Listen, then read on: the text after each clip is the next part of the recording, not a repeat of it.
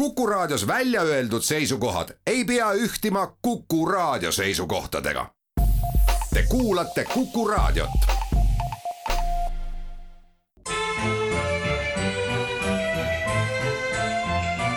Memoria. muinsustervitus, siin Jüri Kuuskemaa. täna on meil ju palmipuude püha ning algamas on suur ehk vaikne nädal ja ma usun, et selle hooajaga sobib suurepäraselt muusikaliselt kokku kuueteistkümnenda sajandi Poola helilooja Mikolai Zelenski, kes on kirjutanud niisuguse, kuidas see nüüd on, ohvertooriumi ja selle ofertooriumiga on niimoodi, et seal on mitmesuguseid palasid ja meie eh, võtame seda kuulata linnamuusikute esituses. ja esimene nendest paladest vist eestikeelses tõlkes kannaks nime Issanda tulek. Deus in aiutarium meum intende.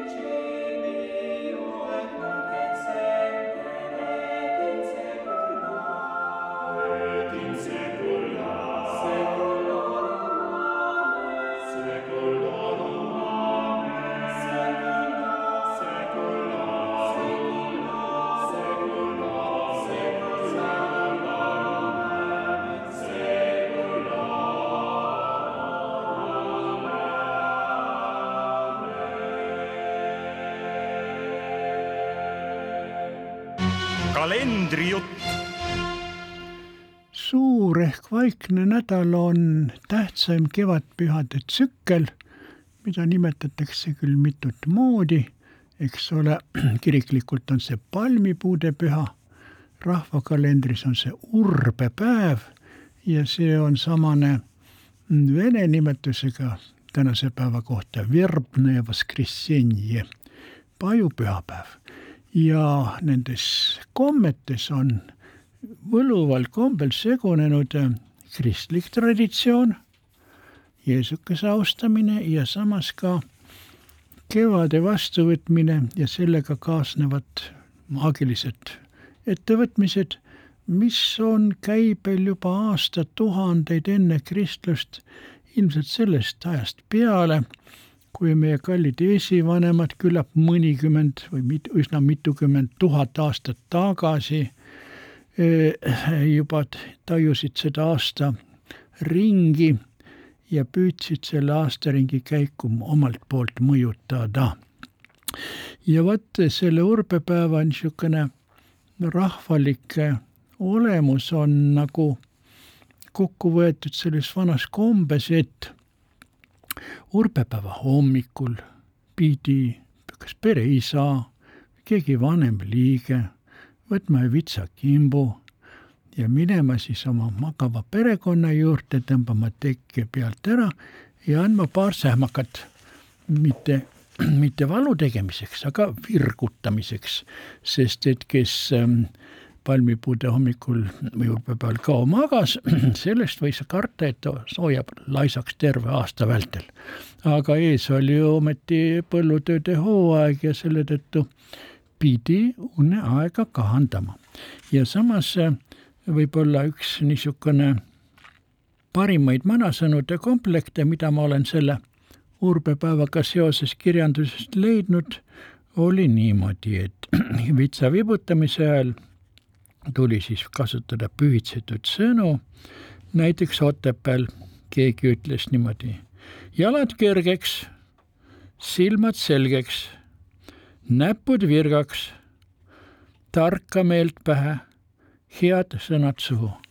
no kas võib veel paremaid asju inimesele soovida, see on nagu öö, õnnevalem kui see selle urbimisega seoses teostub. no ja kallid kuulajad, kui teil on nagu probleeme, täna on, olete sellega juba hiljaks jäänud, aga pange kõrva taha võib-olla järgmisel aastal saate selle õnnevalemi järgi oma pereski võib-olla seda õnnetaset tõsta kõrgemale tasemele. aga nii või teisiti, eks see meel, meelestatus on ju ülioluline.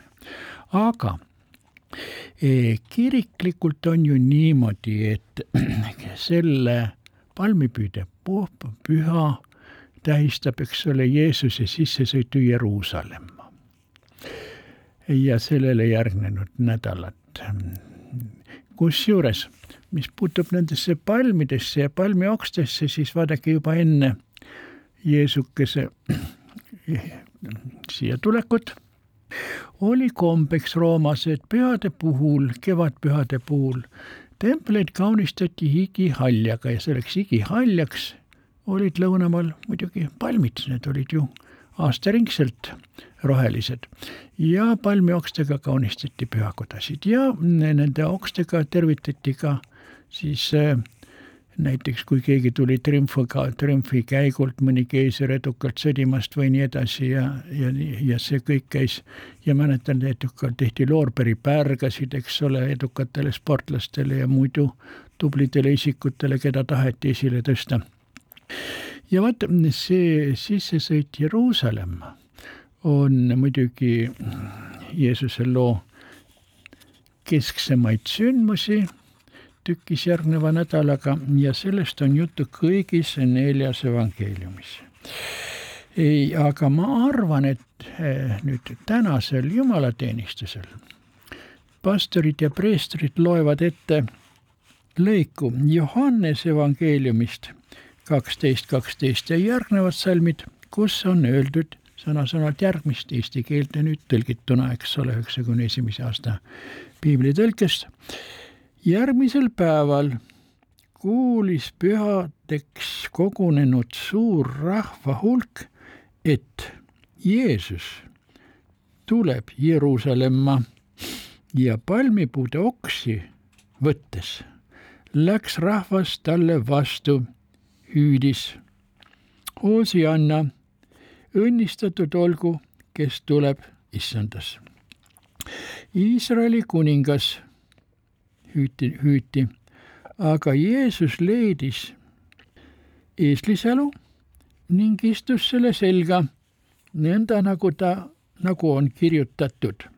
ära karda, Sioni tütar, ennäe, su kuningas tuleb eestlisälu seljas istudes. no vot, niisugune on siis see piiblitekst, mis on tänase päeva keskne ja vaadake, rahvas äh, võttis Jeesust vastu äh, niisuguse suure vaimustusega.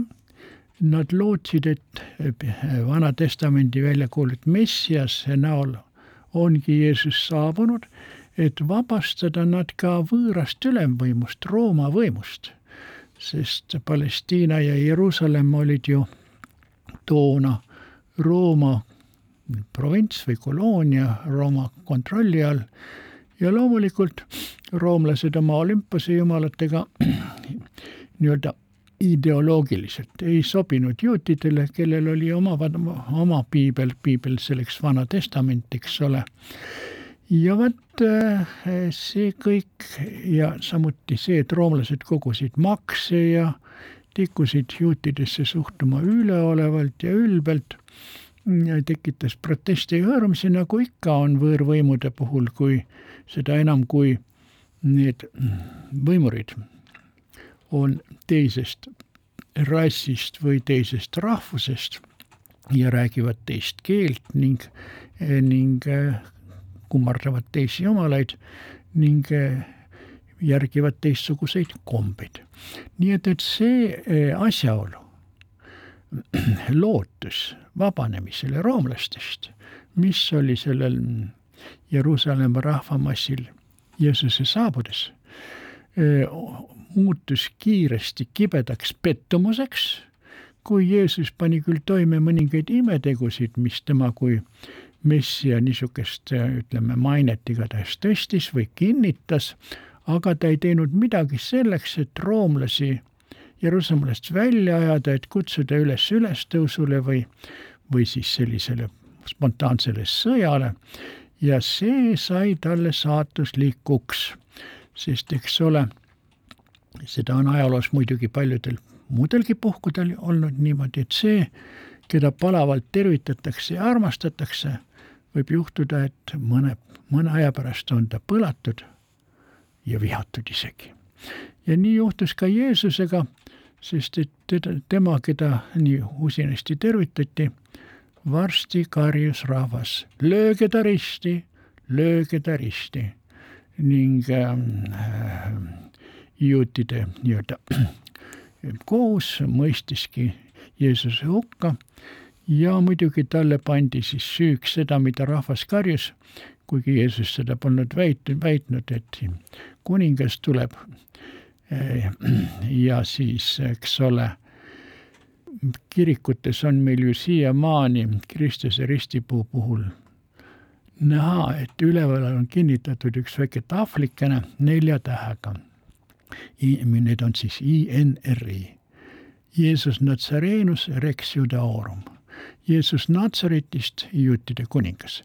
see oli siis nagu pilketahvel, mis sai sinna kinnitatud ja muidugi ausalt öeldes keisrinna Helena, kes neljandal sajandil siirdus Jeruusalemma otsima Jeesuse hukkamiskohta ja hukkam-, hukkamisristi, olevatki väidetavasti sellise tahvli leidnud, see olevat olnud vist koguni neljas keeles ja see olevat saetud siis tükkideks ja eri tükid olevat saanud erinevatele kogudustele ja ühed olevat siis ikka Roomas ka Vatikanis. ma ei tea, kas neile on niisugust dendrokronoloogilist analüüsi tehtud nendele lauajuppidele või radioaktiivse süsiniku meetodid, millega tihtipeale tuvastatakse, et need reliikviad, mida kirik on omistanud Jeesusele, on pärit seitsmendast või üheksandast sajandist.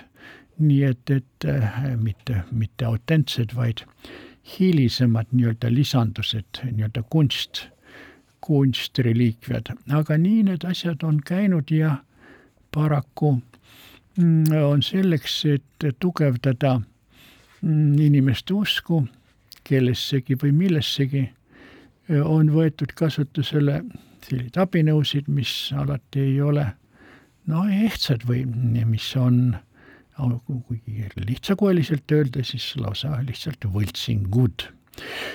aga kui meie seda jah, rahvakalendrit ja kirikukalendrit vaatame, siis on siin igal päeval, uuel nädalal mm, erinevad kombed ja ettevõtmised. ja vot nüüd, kui me mõtleme selle peale, et jah, palmipuude püha, mm, siis see oli nagu ettevalmistus, mm, algas. ja sellel ajal no mõeldi siis paradiisi elupuule, eks ole, selle palmipuu näol ja mõeldi sellele, et uus kevad on õid, õide puhkemas ja nii-öelda aasta eluring ka käivitunud. aga jah, selle nargielus peeti jah siis palmioksa juba kui eluvitsa sümboliks ja eks meil siis, kus looduses palme ei ole, ajab selle asja ära, eks ole, paju, eh, sest pajul on ju urvad. nüüd aga, kui me vaatame neid päevi sellel uuel nädalal, väiksel või suurel nädalal, siis kolmapäeva õhtul oli ju siis see sinane püha õhtu seemaaeg, mil Jeesus jagas leiba ja ütles, et see on võrdne tema ihuga ja viia veini, mis on võrdne tema verega. ja siis läks ta koos oma jüngritega no Õlimäele, mida paika, mida Jeruusalemmas näidatakse tänini ja seal on oliivipuu üks, mille kohta öeldakse, et see on üle kahe tuhande aasta vana, et see oliivipuu oli sel ajal juba, kui Jeesus oma jüngritega seal ööd veetis ja palvetas seal Õlimäel. Ja äh, selle sinase ka seoses on niimoodi, et neljapäeval ja suurel reedel eh, oli soovitud meil siin süüa, soovitatud süüa soolaga keedetud herneid või ube, mida ühtekokku nimetati leinaobadeks. Eh, sest Jeesus oli oma palvetamise ajal ka mõne pisara pillanud, pöördudes oma isa poole alguses sõnadega oh isa, lase see karikas minust mööda minna, lüües nagu kõhklema ja kahtlema ja kartes seda soo koledat surma, mis, midast, mis, mida ta teadis ees oot-, enda ees ootavat, aga siis sai ta oma meelekindluse tagasi ja ta ütles, sündigu sinu tahtmine. vot niisugune oli see dramaatiline öö, mille käi-, mille käigus hommikul tulid Rooma Rooma sõdurid äh, Jeesust vahistama ja et teda tema äh, jüngrite hulgast ära tunda, siis, siis Juudas suudles teda põsele. ja nii võeti siis Jeesus vahi jälle, see oli siis, eks ole, suure neljapäeva draama ja sel päeval ei peetud sündsaks meil siin Eestis naermist ega naljatamist, et see oli nagu täiesti sobimatu. Ja Pärnus öeldi, et naerjal jääb suu kõveraks. Ja abjas tõsteti lasterikastes peredes isegi uksed hingedelt maha, et need no uksehinged ei kriuksuks, vot sedaviisi. aga üldiselt peeti ja soovitavaks suurel neljapäeval tegeleda koduste koristustöödega ja loomade eest hoolitsemisega. ja mõnel pool Eestis pidasid perenaised vajalikuks igal vaikse nädala hommikul loomadele oma käega leiba anda. ja Väike-Maarjas andis aga peremees ise suur, suurel neljapäeval loomadele leiba ja seelit- ja silitas neist igaühte. nii et vaat siin on ka sootuks Kristusest, kristlusest eenduvad kombed ja traditsioonid, mis aga olid seotud sellise edu ja õnne taotlemisega nii oma perekonnas, leibkonnas ja samuti oma loomkonnas, kui niimoodi võib öelda.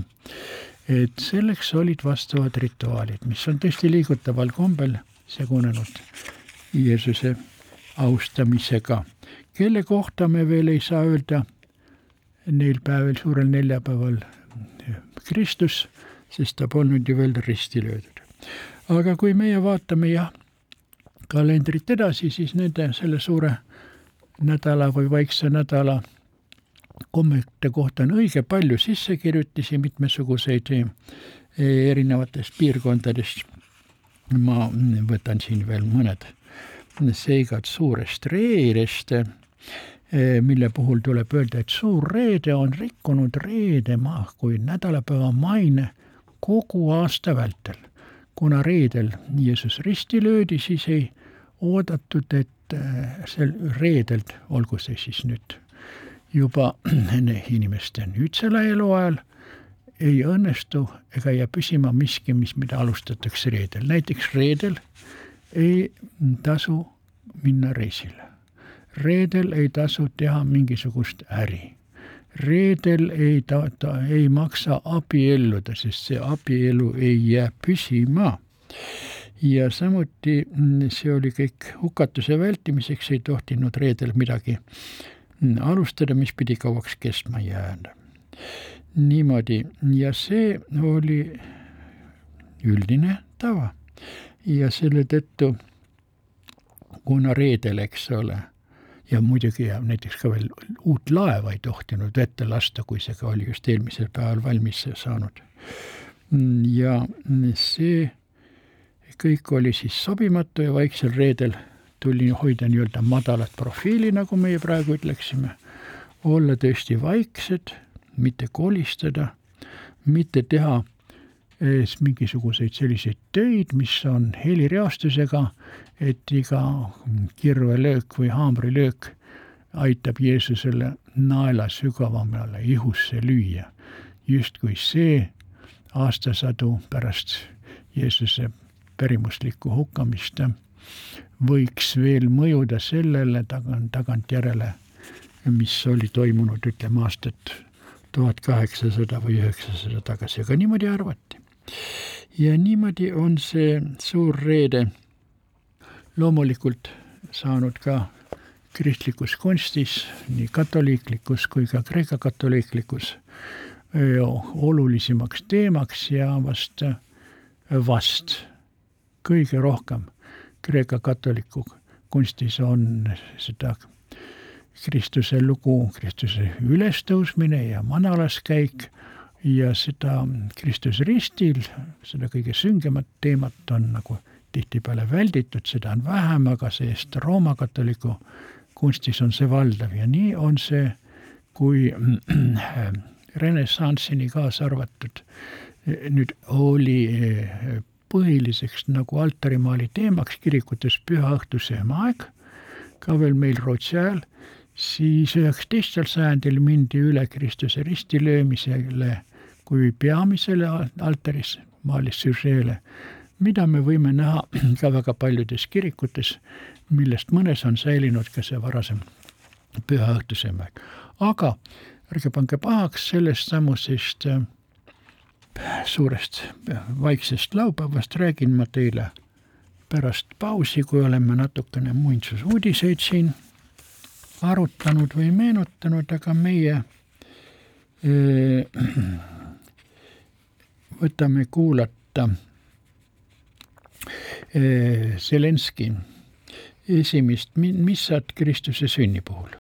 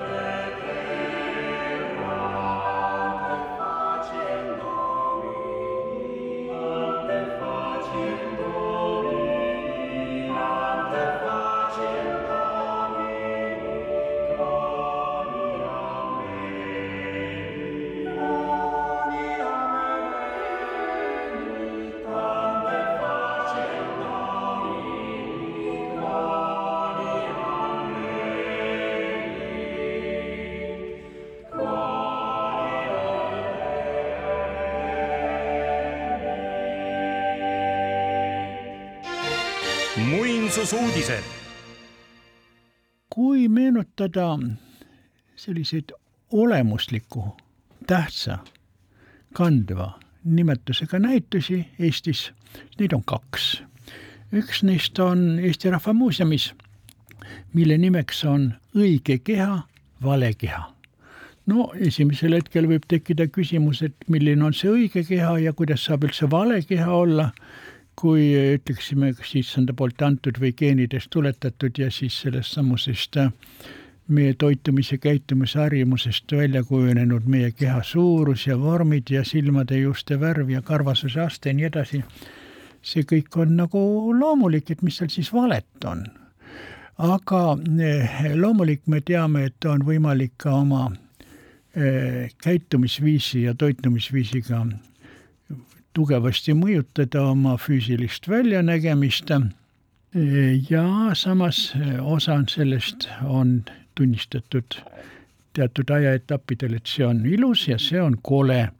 et see on siis õige ja see on siis vale.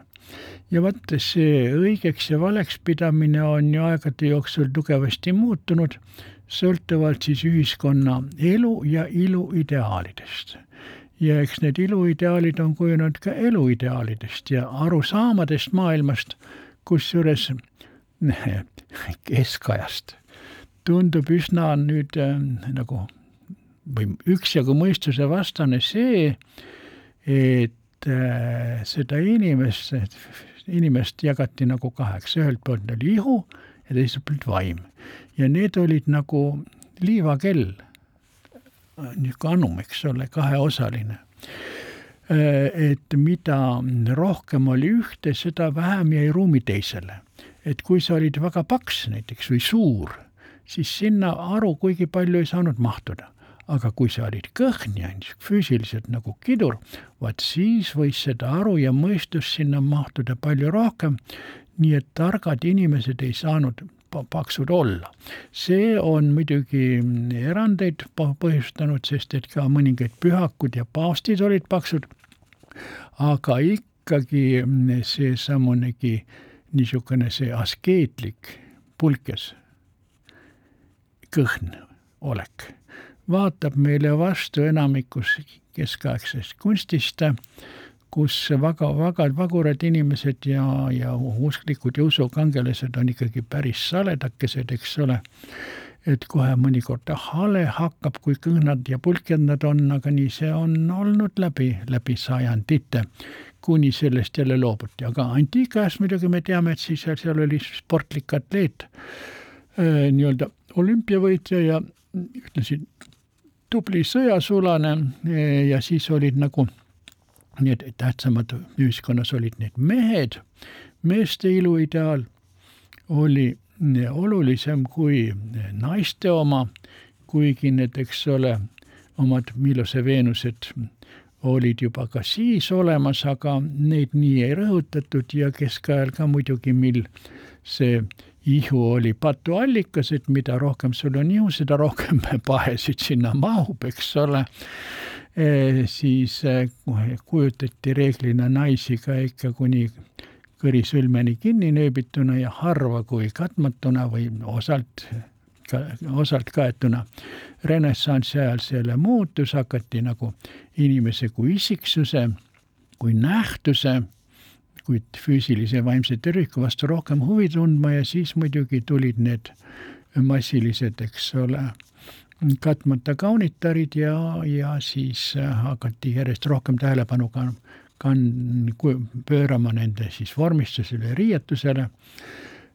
Ja naised saavutasid nagu nende õige keha osas nagu ülekaalu. Mehi, mehi, meeste seda iluideaali ikkagi võrreldi ikkagi antiiksega Kreeka-Rooma. Ja barokkajal läksid jälle siis loobuti sellest äh, suur keha, vähe aru kontseptsioonist ning hakati kujutama lausa selliseid lopsakaid äh, ülekaalulisi kaunitare, nagu me teame seal Rubensi ja tema koolkonnaga seoses. Ja siis samuti hakati rohkesti äh, kaunistama, ütleme, kõrgemate klasside eeskujul rõivastuse ja ehetega ja nii edasi ka ja et see iluideaal on muutunud ja eks meilgi Eestis on olnud ju nagu eh, ühelt poolt kõrgklass, aadel ja rikkad linnakodanikud, kes on võinud endale lubada rohkem kui ütleme, talupoegkond ja lihtsalt linnakodanikud või töölised keda on ju ka alati olnud, nii et, et selle tõttu siis need äh, õiged ja valed aktsendid on nihkunud ühele või teisele poole, aga igatahes see näitus peaks olema huvitav kaeda. nii et Tartult mingi, mingi, olgem Tartust või, või mingem Tartusse, et seda näitust näha. teine näitus, mis on väiksemamahulisem, aga on seotud nüüd praegu käimasolevate vaidlustega selle üle, kui palju siis metsa tuleks Eestis raiuda ja et e, metsad püsiksid metsi ei võetaks liiga palju maha ja samas ka, et need metsad ei, puud ei mädaneks ja ei läheks raisku. ja selleks, sellele, nendele probleemidele on mõnevõrra tuginev näitus. puude taga on mets, mis on nüüd nüüdsest avatud Adamson Eeriku muuseumis. see muidugi neid praktilisi probleeme nagu nii otseselt ei sea, aga igatahes metsahõngu ja hingust peaks seal näitusel kunstivahenditega olema esitatud küll. ja vaata, kui ma nüüd enne kalendrijutus hakkasin rääkima sellest, et kui kiiresti võib keegi, kes on kõrgesti hinnatud ja imetletud, kaotada oma populaarsuse, nii et ta, eh, teda karjutakse, et eh, lööge taristi, lööge taristi, siis ma söandaksin seda Jeesuse juhtumit suurel nädalal võrrelda Andres Mustoneni juhtumiga kes ju üsna hiljuti tähistas koos oma ansambliga Hortus Musicus viiekümnendat aastapäeva, mis oli üsna triumfaalne. Viimane Mustonen fest ja samuti eh, Mustonen pälvis ka elude preemia. ja kui mõelda Mustoneni elutööle, siis seoses selle Hortus Musicusega on ju niimoodi, et no mitte just loendamata arv kordi, aga paljudel juhtudel Mustonen oma ansambliga on esinenud ka väljapool Eestit mitmesugustes välisriikides, nii ida kui lääne pool, sealhulgas ka korduvalt Venemaal. Nii ansambliga kui ka üksi kui dirigent ja nii on olnud, et enne seda suurt koroonaepideemiat käis Mustonen viis korda Novosibirskis, kus ta dirigeeris sealseid kontserte vanamuusikakontserte ja see oli kõik väga kena ja see on tema siis selle Sinase premeerimisel ja elutöö hindamisel positiivselt märgitud või pole sellele tähelepanu pööratud, aga nüüd juhtus selline lugu, et Andres Mustonen, kuna teda kutsuti jälle Novosibirskist, sest kus tal olid ees vanad sõbrad ja nii-öelda sisse mängitud keskkond, ta läkski. aga oh jeeki, mis sellest välja tuli keegi tarkpea selgitas välja, et nende esinejate seas, solistide seas, keda Mustonen dirigeeris, oli keegi, kes pooldab Putinit. Oi,. oi-oi-oi, milline õudus. Ja vaat see panigi siis paugu Mustoneni reputatsioonile, et tema on teinud koostööd niisuguste tegelastega nagu jõledad putinistid. Ja selle tõttu Eesti Kontsert võttis temalt ära Hortus muusikuse juhi ametikoha ning keelati ka äh, suure nädala eelne kontsert, justkui oleks karta, et, et seal äh, Jeesus Kristuse asemel on sõna Dominus Vladimir Putin oi,. oi-oi-oi, mis sellest asjast välja tuli. ja mulle tundub, et see reaktsioon on nüüd praegu ju niisugune, et mis siis vaesel vaesel mm, Mustonil üle teeb, üle jääb. No ta võib ju pattu kahetseda, aga öeldakse, et ta on rikkunud seadust, et mille järgi äh, tähendab, riiklikud kultuuriasutused Venemaaga ei suhtle, aga tema läks sinna nagu privaatselt minu teada, mitte Eesti Kontserdi vahendusel, vaid lihtsalt teda kui isikut kutsuti. ja teisest küljest mm, on ju niimoodi, et no mis see asjaolu, et tema dirigeerimise all oli keegi, kes pooldab Putinit ja muidugi osa kindlasti teadmata, kes pooldab, kes ei poolda, oli kindlasti nii ühte kui teist. aga milles nüüd on Mustonen süüdi ja kui ta vabastati ametist, kas nüüd peab minema Artus Muusikus kui ansambel laiali, kaotades oma juhi, kellel, kuna nagu ansambli nagu pea maha raiutud, ja mis saab Mustonenist isiku isikust millest ta nüüd elama hakkab, sest ta peale muusika ta muud teha ei oska. No mm, kas ta peab nüüd emigreeruma Iisraeli, kus on ka Mustonen festid ja ta on hinnatud või Venemaale, kus teda hinnatakse. see on nüüd küsimus ja ma arvan, et meie eh, autoriteedid on selle seadusega, eh, mis keelab nüüd koostööd venelastega, ilmselt läinud liiale sest et kõrgkultuur ikkagi püsib ja nõuab oma ja kui ka ei ole kultuuriministeeriumi või Eesti Kontserdi vahendusel äh, midagi niisugust toimunud, siis see minu meelest ei tähenda, et nüüd Mustanenist, meie hiljutisest rahvuskangelasest on saanud must lammas rahva erikireetur. nii et ma tunnen Mustonenile sügavalt kaasa ja loodan, et meie ametivõimud pehmendavad oma liiga jäika suhtumist Venemaasse. nii, aga eile oli selline tore sündmus nagu Eesti Muinsuskaitse Seltsi suurkogu, kuhu kogunes siis erinevatest Eesti nurkadest erinevate muinsuskaitse organisatsioonide või siis klubide esindajaid ja meid ei olnud ju väga palju, koos umbes nelikümmend inimest, aga kui sealt põhiküsimus, mis tekkis, on, kui palju meid üldse on, Eesti Muinsuskaitse Seltsi liikmeid, sest vaadake, selle tuhande üheksasaja üheksakümne seitsmendal aastal koostatud põhikirja alusel on meil üksikliikmed ehk hajaliikmed, kes on nimeliselt arvel. Ja peale selle on siis nüüd klubid piirkondlikud moodustised, mis kuuluvad muinsuskaitseseltsi kui, kui üksiknumbrid, aga seal ühes klubis võib olla kakskümmend või viiskümmend või sada inimest. aga seda me ei tea, kui palju on neid äh, liikmeid ja samas see, kui keegi kuulub näiteks Viljandimaa muinsus, muinsuskaitseühendusse siis mõned neist on omaalgatuslikult eh, tasunud Eesti Muinsuskaitse Seltsile liikmemaksu ning on ka mm, nii-öelda isik, isikutena, üksikisikutena arvel, aga teised ei ole.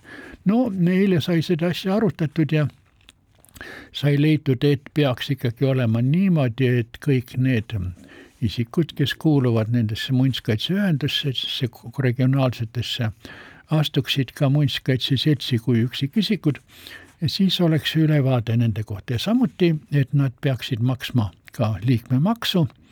Ja kes liikmemaksu pikalt ei maksa, nende võib kustutada eh, nimekirjadest, aga selles osas on, ma ütleksin, halba eeskuju andnud meile parteid, eh, kelle liikmed tihtipeale ei maksa üldse liikmemaksu.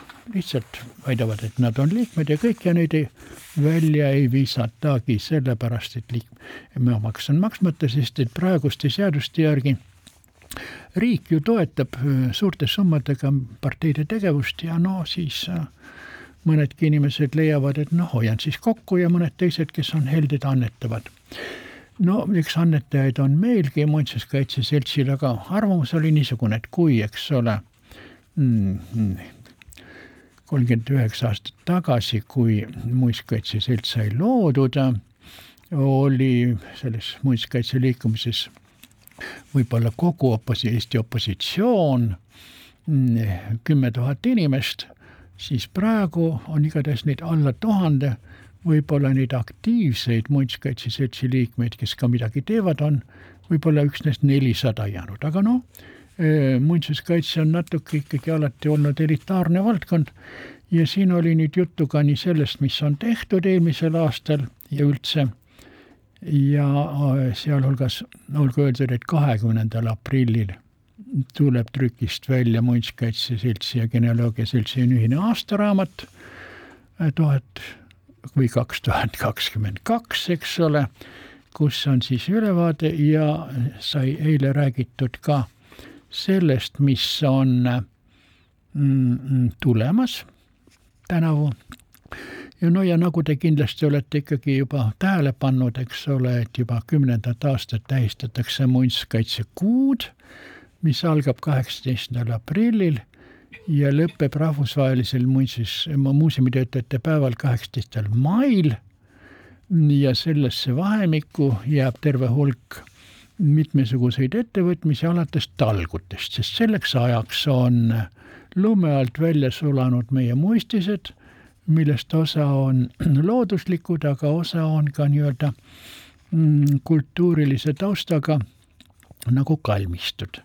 ja niimoodi äh, saab olema üle Eesti hulgaliselt talguid, mis on ette nähtud, ütleme seal mõningate linnamägede puhastamiseks ja samuti kalmistute ja markantsete isikute haudade korrastamiseks ja siin Muinsuskaitse Selts on aastaid tegelenud kolme sellise markantse kalmistuga, üks neist on siis siseline kalmistu, sõjaväe kalmistu osa kuhu pidevalt lisatakse neid purustatud ja hävitatud nimetahvlite asemel uusi ja koristatakse. teine on Mõigu hüljatud kalmistupark, kus kevadel muinsuskaitseselts saab talguda, aga ei jõua neid aastaringselt korras, korras hoida. Sellest Mõigust olen ma teile rääkinud, et linn peaks selle vastu suuremat huvi tundma ja rohkem hoolt üles näitama, ja, ja kolmas kõige problemaatiline koht on vangilaagri kalmistu Narvas, kus ka toimuvad äh, talgud ja sealt seltsi poolt on nagu üles või haritud või tsiviliseeritud üks nurgakene suuremast alast, mis aga vajab ulatuslikumaid melioratsioonitöid, sest seal on liigniiskus, vesi tõuseb liiga kõrgele ja seal on suur osa sellest kalmistu alast veel metsistunud, võsastunud ja kohalik muinsuskaitseselts tahaks sinna ka mälestusmärki, aga selleks, et seda mälestusmärki oleks nagu põhjust ravada, on vaja täiendavaid töid. aga tulemas on ka suvemuusika, see on avatud aiad ja tulemas on ka niisugune ettevõtmine, nagu see on arheoloogiapäevad, need on juba juunis ja mõndagi muud, aga meie teiega võtame selle peale taas Zelenskit kuulata äh, in festo omnium sanctorum kõikide pühakute päeval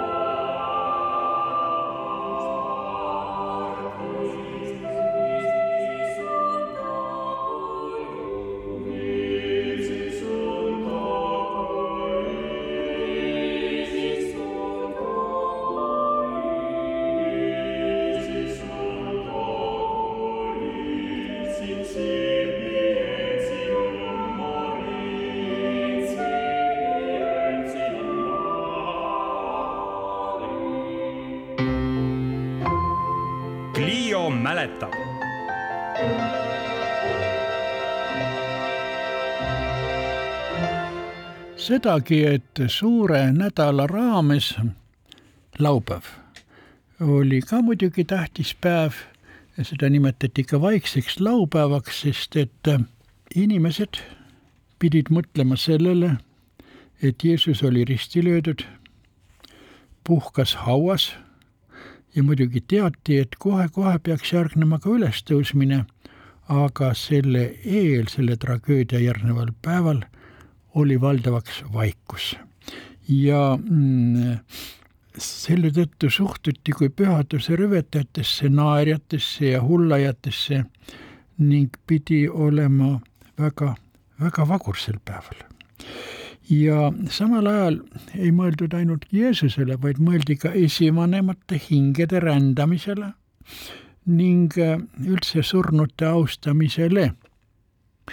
Ning üks uskumus, mis tundub nagu väga radikaalne olevat, seisnes selles, et arvati, et pärast ristisurma võib Jeesus tulla kelle tahes sauna, ka siin Eestis, Eestimaal, et pesta maha oma higi ja veri, mis risti puhul kogunesid.